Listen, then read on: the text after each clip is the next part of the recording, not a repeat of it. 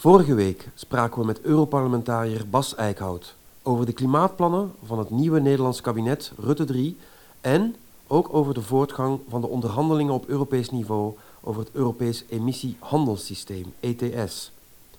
We namen deze podcast op met live publiek voor het eerst. Dwars, de jongerenorganisatie van GroenLinks, was namelijk op bezoek in het Europees Parlement in Brussel.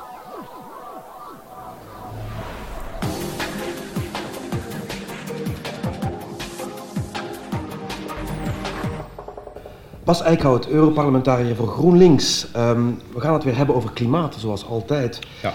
Ehm, maar voor we het over de echte belangrijke politieke niveau gaan hebben, namelijk Europa, even naar Den Haag. Ehm, gefeliciteerd. Nederland heeft een eh, nieuw kabinet. Dank je, dank je. En, Eh, Net iets sneller dan België. Ja. Ja, net, ja, net iets sneller, het scheelde weinig. Ehm, volgens eh, de roverhoofdman Rutte het groenste kabinet ooit. Ehm, ja, de vraag is, eh, klopt dat? Of is het eerder, de laatste regeringen waren zo weinig groen dat het makkelijk is om je op de borst te kloppen dat je heel erg groen beleid gaat voeren? Ik denk dat je oprecht wel kan zeggen dat dit het groenste kabinet ooit is. Maar als je naar de vorige kabinetten kijkt, was die titel niet heel moeilijk om binnen te halen. Mhm. Dus eh, ja, ik denk wel dat je, als je nu gaat kijken naar de, de, de klimaatparagraaf met name. Ik bedoel, laten we het maar niet over landbouw en natuur hebben, want dan is het totaal niet groen. Eh, maar oké, de klimaatparagraaf ja, is, wel, is wel gewoon in woorden en in doelstellingen redelijk ambitieus. Vandaag, eh, zijn 18 oktober, in het Belgisch parlement stellen de twee Belgische groene partijen, Groen en Ecolo, voor om een klimaatwet eh, ehm, eh, te gebruiken, een klimaatwet in te dienen. En, ehm, kun je zeggen dat de klimaatwet zoals GroenLinks die heeft voorgesteld, dat dat, dat, dat een, een invloed heeft gehad op wat het Nederlandse kabinet nu van plan is? Nou ja, in ieder geval het idee dat Nederland ook een klimaatwet moet nemen en maken, dat is in ieder geval geland. Ja. Maar de grote vraag is natuurlijk wel, van wat ga je nou in die klimaatwet zetten? En ik denk dat het daar heel snel misgaat. Ehm, het, de doelstelling min 49% in 2030, nou dat... Goed, in het klimaatwetsvoorstel van GroenLinks en PvdA stond min 55%. Dus je kan zeggen het is iets minder ambitieus. Maar daar zou ik nou niet echt de grootste kritiek op willen geven. Want je kan zeggen, nou 5%, het had zeker, het had zeker meer gekund. Maar waar voor mij echt de pijn zit, is dat in het nieuwe voorstel voor de klimaatwet wordt helemaal niets meer gezegd over duurzame energie en energiebesparing. Juist. En dat zat natuurlijk juist heel erg kernachtig in de klimaatwet van GroenLinks en PvdA, is dat je zegt van, ja, voor de toekomst heb je niet alleen een klimaatdoelstelling nodig, maar juist ook doelstellingen voor hoe gaan we naar volledig duurzame energie en hoe gaan we op besparing inzetten. En niet alleen 2030, maar ook naar 2050 toe. Ja, dat zit allemaal niet in die klimaatwet. Althans, zoals het in het regeerakkoord staat, is het gewoon één doelstelling voor 2030, alleen op CO2-reductie en that's it. Dat is bijzonder vaag. Dus. Nou ja, dat is mager. Dat is mager, want daarmee is het dus heel erg onduidelijk van hoe precies eh, de energievoorziening eruit gaat zien. Eh, daar wordt wel wat over gezegd. We gaan kolencentrales sluiten, maar pas in 2030. Dat betekent dat eigenlijk de minst efficiënte en meest vervuilende bron van energie gewoon nog 14 jaar lang troep aan het uitstoten is. Ehm, we gaan nog steeds biomassa bijstoken bij, eh, in, in, in centrales. De subsidies stoppen pas in 2024. Waarom dan pas? Dat kun je nu al doen. Luchtvaart willen we misschien een belasting gaan doen. Maar daar gaan we eerst Europees over praten. Eh, waarbij overigens heel vaak diezelfde regeringspartijen op Europees niveau zeggen: nee, dat moet je mondiaal doen. Eh, dus het is fascinerend om te lezen dat ze in Nederland. lees mondiaal doen, lees, dat schuiven we even voor ons uit nog. Ja, want als je mondiaal een akkoord wil krijgen, weet je zeker dat het nog wel even duurt. En waarschijnlijk als er dan mondiaal een akkoord is, zeg je dat, het, dat je het extraterrestrieel moet doen gaan waarschijnlijk. Ehm, eh, dus het, het, het klinkt allemaal wel als uitschuiven of vooruitschuiven. En als het dan niet lukt, dan, eh, dan in 2021 gaan we dan misschien zelf een belasting heffen. En 2021 is precies het jaar dat het regeerakkoord stopt.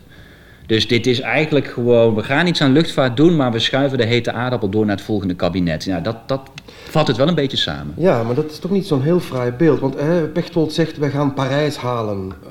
Eh, Even, je, je, je kent het dossier intussen nogal goed. Ehm, eh, klopt, is dat niet een heel erg gratuite uitlating dan? Nou van, ja, van de partner in een Nederlandse regering die toch eigenlijk een beetje het groene beleid zou moeten belichamen. Kijk, de kern van Parijs is eigenlijk dat je naar een nul uitstoot moet in 2050. Dat is de kern van Parijs.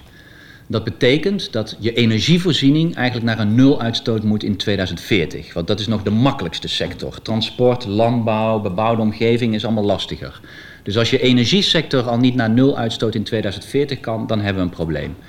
Uh, als je dan gaat kijken naar de maatregelen die het kabinet maakt op de energiesector, dan leunen we nog steeds heel zwaar op CO2-opslag. Ja, CCS. CCS. Uh, plus is het dus onduidelijk hoe die transitie in die energiesector gaat plaatsvinden. Daarom was het zo van belang om ook doelen op duurzame energie te zetten. Ja, die zijn verdwenen. Dus, um, en Parijs halen, dat kun je pas in 2040, 2050 zeggen of we het gehaald hebben. Dat is veel meer dan een doelstelling in 2030 zetten. Zet je genoeg beweging in gang nu, zodat je die doelen op lange termijn gaat halen. Ja, daar is het akkoord, nou, op zijn positief gezegd onduidelijk. Uh, negatief gezegd uh, levert het onvoldoende. Maar dan duikt toch bij mij weer de eerste vraag op. Waarom als GroenLinks-politicus die zo actief is op dit terrein, noem je dit dan toch een, een groen kabinet? Het is wel een beetje een flats groen dan. Niet nou ja, je vraag was of het een terechte claim is. En hiervoor werd, hadden we niet eens een klimaatwet. Oké. Ja, dus, dus nee, maar daarom was mijn opmerking... ja, het is misschien het groenste op klimaatgebied... maar die score heb je nogal snel te pakken als je gaat kijken naar wat Nederland heeft gedaan op klimaatgebied. Als je gaat kijken naar hoe Nederland op duurzame energie op twee naar het slechtste scoort in Europa. Ja, dan, dan is het ook wel logisch dat we snel groen scoren. Ja. Maar dat je daarmee zegt, hiermee gaan we Parijs halen, ja, dat gaat even net iets te snel. Oké. In november, dat is al heel snel, is er in Bonn de, de volgende VN-klimaattop. Mm -hmm. um, ik neem aan dat je daar naartoe gaat. Yes. Um, ja, welke rol, gezien wat je net allemaal hebt verteld, welke rol zal Nederland daar spelen, verwacht je? Of wat zouden ze moeten doen? Nou ja, dat is wel interessant. En dan ga ik toch weer wat positiefs zeggen. Dat vind jij vervelend blijkbaar. Maar um, wat er goed is in het regeerakkoord is dat deze regering zegt dat Europa naar min 55% zou moeten in 2030. Um, dat is eigenlijk ook wel een beetje de richting die wij zien, die nodig is, zeg maar, voor de, als je wil, verder wil uh, naar, naar 2050 toe. Binnen Europa is dat op dit moment nog een taboe. Even, het doelstelling die we binnen Europa hebben is min 40%. En we zijn nu allerlei wetgeving aan het vormgeven in Brussel, die ons vast gaat zetten op die doelstelling van min 40%. Dus vanuit een meer mondiale Europese blik is het heel belangrijk dat het debat wordt opengebroken. Van jongens, de huidige wetgeving die uit Brussel komt is onvoldoende. Maar tot nu toe waren maar heel weinig landen die dat hardop durfden te zeggen. Nou ja, als ik het regeerakkoord lees, betekent dit dat Nederland dit hardop in Brussel gaat zeggen. Nou ja, dat, dat hoop ik dat de nieuwe klimaatminister, uh, Wiepes hebben we gehoord, uh, ja, tot nu toe bij mij niet heel erg bekend eh, op klimaatgebied. Maar goed, uh, hij kan zich natuurlijk totaal gaan ontwikkelen daarop. Maar als hij. voor een paar weken. Ja, ja, nee, dat, dat, dat is. En hij kent in ieder geval de Belastingdienst goed.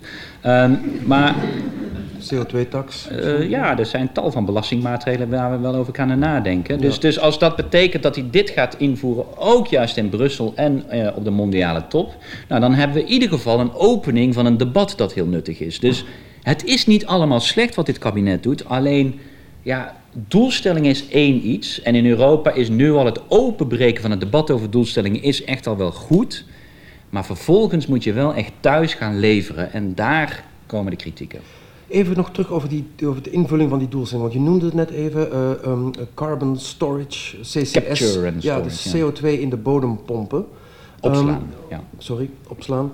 Um, GroenLinks had dat ook in het verkiezingsprogramma ja. staan, zegt men mij. En um, toch ben je daar nu kritisch over. Hoe, hoe zit dat precies? Ik ben kritisch op de mate waarin. Als je gaat kijken naar wat GroenLinks in het verkiezingsprogramma had, dan zag je dat wij naar een veel uh, ambitieuzere doelstelling in 2030 en een kleiner aandeel daarbinnen van CCS. Dus je had het op ongeveer 80 megaton, had uh, GroenLinks 10 megaton ongeveer op CCS. Dit kabinet wil 56 ton reduceren, megaton en 20 daarvan op CCS. Dus ruim een derde moet van CCS komen. Ja, dan heb je het wel echt over andere verhoudingen. En ga je ook wel zorgen maken over van waarom zo zwaar op CCS. Want wat ik net al zei, uh, de energiesector is eigenlijk de sector die het makkelijkst weg kan van fossiel. Ja, als je aan die energiesector CCS gaat koppelen, zit je je eigenlijk gewoon weer in een fossiele uh, energievoorziening vast te zetten. Terwijl CCS, en dat zit meer in het verkiezingsprogramma van GroenLinks, uh, kan nuttig zijn bij bepaalde industriële toepassingen. Denk aan staalproductie. Staal produceert eigenlijk altijd CO2 als een nevenproduct. Niet om het energiegebruik, maar gewoon omdat we, ja, heel simpel, je moet zuurstof uit het ijzererts halen, dan heb je ijzer over. En dat zuurstof bind je aan koolstof en dat wordt CO2. Mhm. Dus dat, heeft, dat, heeft, dat is gewoon een product van, een ijzer, van staalproductie. Daar valt niet aan te ontsnappen. Daar valt niet aan te ontsnappen. En dat moet je op een of andere manier voorkomen dat je dat in de atmosfeer krijgt. Dan kan CCS een hele nuttige toepassing zijn. Dus ik ben nooit radicaal tegen CCS geweest. Maar je moet wel heel erg slim nadenken in welke mate en bij welke toepassingen en dit kabinet lijkt gewoon in hele grote mate op CCS te gaan leunen. Ja, dan kan het juist een belemmering worden van je energietransitie. Dan heb je het echt over een heel ander verhaal. Precies. En bovendien is de techniek nog niet echt 100% eh, performant, zoals we dat hier zeggen. Ja, in Noorwegen gebeurt het wel, maar de EU probeert al langere tijd projecten van de grond te krijgen. Tot nu toe het aantal CCS-projecten dat van de grond is gekomen binnen de EU is nul. Dat is niet zoveel. Nee, dat is redelijk beperkt. Laten we even terugkeren naar het beleidsterrein waar je als uh, Europarlementariër heel actief bent hier in Brussel. Um, met name, er staan veel dingen op de agenda. Ik zie je van hot naar her rennen continu de laatste weken. Ja. Maar um, het is goed voor de conditie, maar uh, minder goed voor de gemoedsrust, kan ik mij zo voorstellen. Ik droom er zelfs over, Oei, dus dat, dat gaat is, dan mis. Is, ja. misschien toch eens een reisje naar Brazilië boeken. Um, ETS, ETS zou ik het over willen hebben. Um, Europe of Emissions Trading, ja, alles waar E voor staat, denk ik aan Europe. Dat is een brainwashing. Uh, uh, ETS staat natuurlijk voor Emission Trading System. Ja. En dat gaat over het, eigenlijk het, een handelssysteem waarbij je een prijs zet op het mogen uitstoten van elke ton CO2. Ja. Zeg ik dat goed? Dat staat op de agenda. Um, uh, wat is er, er, loopt uh, even heel kort, hè? Want, want ik denk dat, dat de meeste luisteraars uh, wel weten wat er mis is met ETS, maar misschien toch voor de, voor de volledigheid even uitleggen, wat is er mis met ETS? Nou ja, kijk, dit is vaker bij, bij, bij wetsvoorstellen, die beginnen met een goed idee, maar vervolgens ja, gaat er zoveel lobby op zitten, die, die kleden dan uiteindelijk de effectiviteit van het instrument zo uit dat je op dit moment een niet echt werkend systeem hebt. Het idee van emissiehandel is heel simpel. De overheid bepaalt hoeveel je mag uitstoten en de markt bepaalt de prijs. Mhm. Er zijn wel eens mensen die zeggen, ja, doe een CO2-belasting, dat is veel uh, handiger. Uh, maar ja, wat doe je met een CO2-belasting? Dan zet de overheid de prijs vast en bepaalt de markt de uitstoot. Nou, dus, dus vanuit een klimaatperspectief heb ik liever dat ik de uitstoot vastzet en dat de markt de prijs. Ik ben minder met de prijs bezig, dat is voor de markt. Ik ben vooral met hoeveel uitstoot wil je. Dus eigenlijk is het nog niet eens zo heel dom uh, emissiehandel. En daar komt nog eens bij, een belasting is nationale soevereiniteit. Dus als je Europees beleid op belastingen wil, heeft elk land veto. En Polen gaat daar nooit mee akkoord? 28 veto's van Malta tot en met Polen. Elk land heeft een veto. Voordat je dat van de grond hebt, ja. dream on. Dus, dus we zitten met emissiehandel. Ja, we zitten met emissiehandel. Dat moet gefixt worden. Wat, wat moet er gefixt worden? Nou ja, het grootste probleem is dat we eigenlijk in de hele historie te veel gratis rechten hebben weggegeven. Mhm. Daar komt de lobby natuurlijk. Dan zeggen bedrijven, ja, maar dat is oneerlijk, want wij moeten voor onze CO2-uitstoot gaan betalen. De concurrenten mondiaal niet. Denk aan staalproductie. De Chinese staalproductie heeft geen CO2-prijs. Dat is oneerlijk. Dus wij moeten niet die rechten gaan veilen, maar wij moeten ze gratis krijgen. Nou, vervolgens krijg je de vraag: hoeveel moeten we dan gratis weggeven? En natuurlijk is het zo dat dan de lobby er voor weet te zorgen dat we te veel rechten gratis hebben weggegeven. Met als gevolg dat we nu een systeem hebben waarin ongeveer 2 miljard rechten ongebruikt zijn. We zitten dus met een, met een, gewoon een weiland dat onder water is gelopen. En de huidige CO2-prijs is ongeveer 5, 6, 7 ton uh, euro per ton CO2. Terwijl bijvoorbeeld analyses voor, om in je energiesector een verschuiving weg van kolen te krijgen, moet je denken aan een prijs die nodig is van 40 euro per ton CO2. Oei. Dat halen we niet. Dus uh, kun je twee dingen doen. En dat is dan wat wij proberen. Is allereerst dat emissiehandelssysteem verbeteren. Maar ten tweede ook al wel weten dat emissiehandel alleen het echt niet gaat worden. En dan kom je weer terug op de kritiek van het regeerakkoord. Dat lijkt een beetje terug naar dat mantra te gaan. Alleen CO2-reductiebeleid en dan lost de markt het wel op.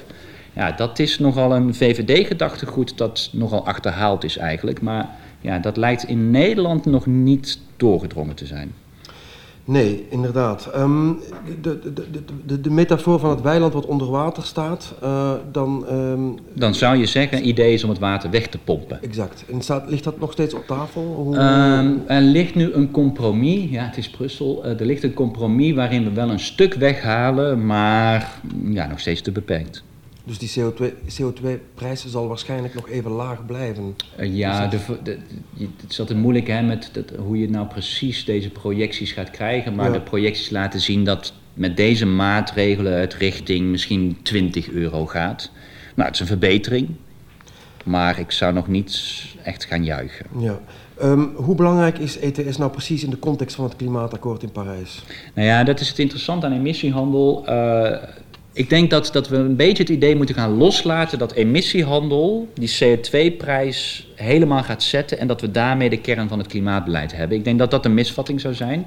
Zet niet volledig in op emissiehandel. Het gaat een soort basisprijs leveren.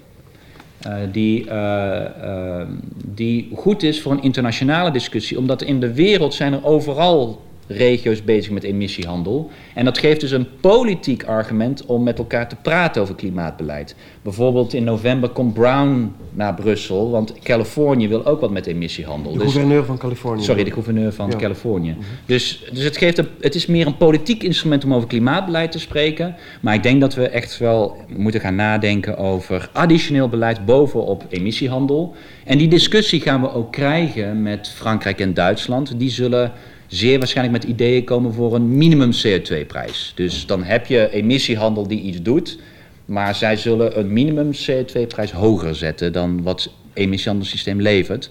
Ja, en als Frankrijk en Duitsland dat gaan doen, ja, dan hoop ik dat Nederland zich daarbij aansluit. Um, ja, verwacht je dat dit soort zaken al in Bonn uh, uh, aan de orde zullen komen om het... Uh... Niet in de formele onderhandelingen, omdat uh, in de formele onderhandelingen zal het nu veel meer gaan over uh, wat bedoelen we nou precies met die doelstellingen mondiaal. Uh -huh. Maar je komt daar natuurlijk wel bijeen met heel veel landen en regio's, waarin je natuurlijk in de wandelgangen ga je het wel hebben over coalities die gezamenlijk iets op CO2-prijsbeleid willen doen. Ja. ja. Um, uh, tot slot. Um, de, de, het, het, het, hele idee rond een, een, een, een, maximale uitstoot in de vorm van een carbon budget. Dat is een vrij nieuw uh, thema. Um, uh, sta je daar, dat is eigenlijk een soort van maximale uitstoot die we nog hebben als wereld, als uh, verschillende ja. werelddelen. Is dat iets waar, waar, je, waar je brood in ziet, dat in de toekomst meer gaat spelen? Ik denk dat, die, kijk, dit, dit is waarschijnlijk nog wel een goed thema voor een volgende podcast. Want, het wordt een cliffhanger. Ja, dit is een cliffhanger voor de volgende. Luister de volgende keer. Um, Nee, uh, wat je ziet in de wetenschap, hebben we natuurlijk heel lang zijn wij bezig geweest met van wat betekent nou een temperatuurdoelstelling voor een concentratieniveau dat nodig is en dat dan weer voor een uitstoot. Wat betekent dat voor de uitstoot? Terwijl eigenlijk ja, steeds duidelijker wordt dat elk molecuul CO2 dat je nu uitstoot, zit er voor 100 jaar. Ja. En heeft dus een opwarmend effect in die atmosfeer. Dus je moet eigenlijk veel meer gaan kijken naar hoeveel in totaal mogen we uitstoten. En dat is dat budget. Hoeveel budget hebben we? Om die twee graden of die anderhalve graden om te halen. Om beneden die twee ja. en dus bij voorkeur anderhalve graad te blijven. Ja, en dan kom je erachter dat we eigenlijk van het totale budget uitstoot dat wij als wereld mogen doen, hebben we eigenlijk al twee derde benut. Mm -hmm. En in het huidige tempo, als je kijkt over, als je in het huidige tempo blijft dooruitstoten, dan heb je nog maar 10 à 15 jaar en dan moeten we echt over andere oplossingen gaan nadenken. Dat betekent in 10, 15 jaar moet je naar nul uitstoot. Nou, dat zul je niet redden. Dus moet je ook gaan nadenken over negatieve uitstoot. Dan komen we weer bij CO2-opslagdiscussie. Dat is ook dus waarom je niet, zeg maar, radicaal tegen kan zijn. Maar ja, waar je voor moet oppassen is dat je niet CCS als argument gebruikt om ondertussen even vrolijk door te kunnen uitstoten. Want dan kom je dus in probleem met het budget. Ik denk dat die discussie over het koolstofbudget steeds meer een discussie gaat worden, ook uh, vanuit de klimaatwetenschap. En volgend jaar, klimaattop in Polen, uh, zal 2018 wordt het jaar waarin we gaan kijken, zijn we op weg om de Parijsdoelen te halen? Nou ja, daar zal ik geen cliffhanger doen. Uh, het antwoord zal zijn nee. En dan krijg je wel grote discussies. Hoe moeten we dus ambitieuzer worden? Nou, en dan is dus de inzet van Nederland dat Europa in ieder geval ambitieuzer moet worden. Nou, dat is alvast één van de 28 landen. We zijn hier omringd door mensen van dwars, uh, uh, relatief jonge mensen. Um, ik zelf ook heb zoiets van... De Volgens mij ook absoluut wel. De urgentie uh, zijn, zijn, lijkt toch wel nog onvoldoende aanwezig. Of af, aanwezig bij, bij in ieder geval het Nederlands beleid. Kunnen we dat, ja. Als je zegt twee derde van ons um, atmosfeerbudget is opgebruikt, dan is het wel is er enige urgentie en um, ja, die, die lijkt niet echt aanwezig. Nou, kijk, het, het, wat interessant is, is dat je wel ziet uh, in de, de nieuwere generaties wordt klimaatverandering steeds meer een thema. Ja. Uh, dat komt uit allerlei onderzoeken ook wel dat het, het thema klimaatverandering wordt steeds urgenter gevoeld, maar met name door de jongere generatie. Het probleem is natuurlijk dat, dat op dit moment in de politiek zit die oudere generatie. Dus ik denk dat we hoog nodig wel een beetje verjonging ook in de politiek nodig hebben om die urgentie van klimaatverandering ook in, op het politieke niveau te krijgen. Dat lijkt me een mooie afsluiting bij deze. Een oproep aan u allemaal om politiek actief te worden. En bedankt voor jullie uh, geduld en luisterbereidheid. En bedankt Bas Eickhout. Graag gedaan.